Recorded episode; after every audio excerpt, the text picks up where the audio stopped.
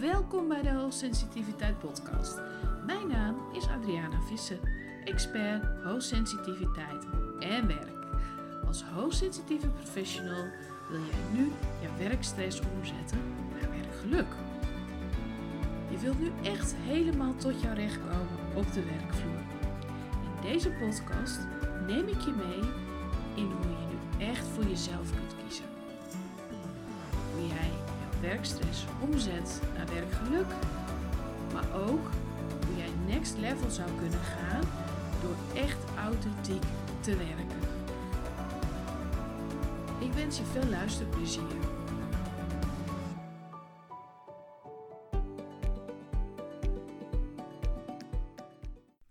Ik neem deze aflevering voor je op om een misverstand uit de weg te ruimen. Ik krijg de laatste tijd steeds vaker de vraag: kan ik alleen maar met jou samenwerken als de werkgever in mijn traject investeert? Daar kan ik kort over zijn. Nee, je mag ook gewoon zelf je traject of je sessies betalen. Dan al kan een deel betaald worden vanuit de aanvullende verzekering.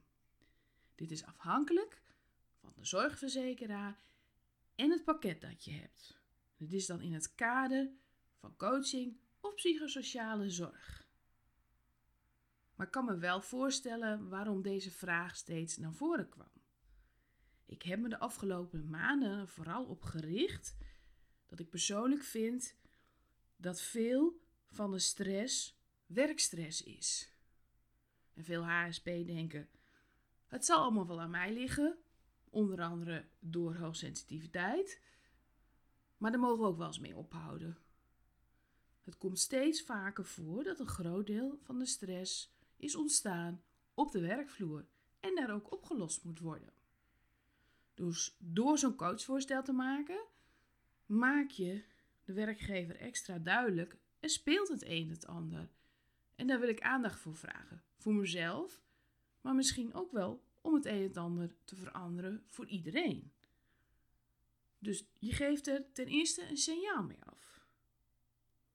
Ten tweede, als er problemen op de werkvloer zijn, heb je vaak ook een langer traject nodig. Meerdere sessies dan dat het om jou persoonlijk gaat.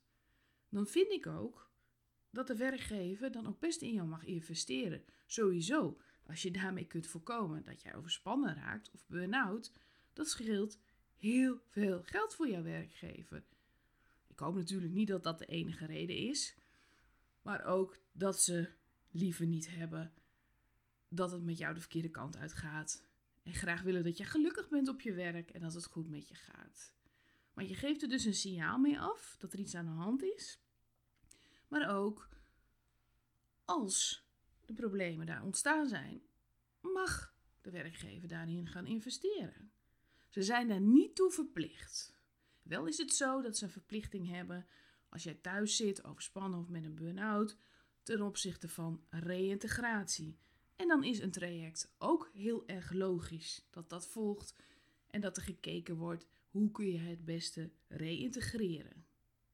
En omdat ik het zo vaak zag in mijn praktijk, dat mensen kwamen en dan het aankaarten en aangaven van ja, dit is mijn probleem en ik toch duidelijk hoorde dat er heel veel op de werkvloer speelde, ben ik ook steeds vaker gaan zeggen van ja, maar heb het daarover op je werk en kijk eens of ze willen investeren. Dat is niet meer dan redelijk. Dus van groot belang dat daar even flink de aandacht voor kwam. Daardoor is dit misverstand ook ontstaan. Dus samengevat. Je hoeft niet de werkgever te betrekken bij het traject. Soms voelt dat ook voor mensen onveilig als er heel veel problemen zijn ontstaan al. Of dat je het idee hebt van, nou ja, mijn hoogsensitiviteit wordt ook niet begrepen. Of ja, we hebben een vast coachingsbureau en dan gaan ze heel moeilijk over doen als ik wat anders wil. Dat kunnen ook redenen zijn. Dan kun je het gewoon zelf betalen. De sessies of traject. Maar kijk dus ook even naar jouw aanvullende verzekering. En ja, je kunt nog steeds met mij overleggen om een coachvoorstel op maat te maken voor jouw werkgever. Je hebt al gemerkt, dus even een hele korte aflevering, want ik vond het van groot belang dat deze vraag werd beantwoord. Binnenkort kom ik weer met een aflevering waarin ik weer verder inga op overprikkeling, onderprikkeling en dan vooral hoe loopt overprikkeling op? Hoe wordt die chronisch? En hoe ga je van chronische overprikkeling naar chronische stress? En wanneer word je overspannen? En wanneer een burn-out? En dan hoop ik vooral dat dat preventief werkt. Dat je zelf kunt zien waar jij nu staat. Maar voor nu heb je een vraag omdat je wilt weten: oh, wat is handig voor mij? Zal ik als particulier bij jou een aanvraag doen? Of zal ik het via mijn werkgever doen?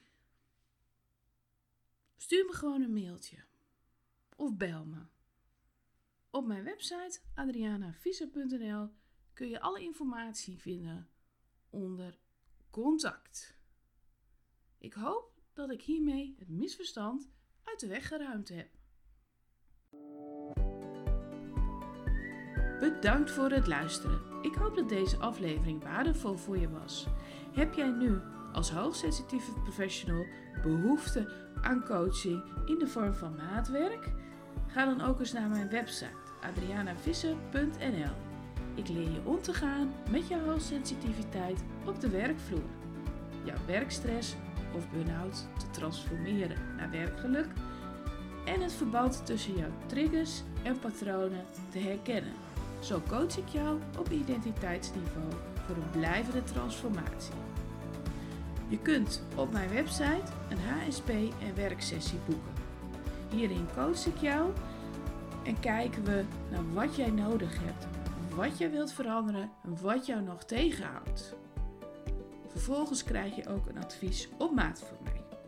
Je kunt er dan voor kiezen of je vervolg aan deze sessie wilt geven in de vorm van een traject. Dit kan een particulier traject zijn, maar weet ook dat jouw werkgever budget voor deze trajecten heeft. Dan kunnen we samen voor je werkgever coachvoorstel op maat maken.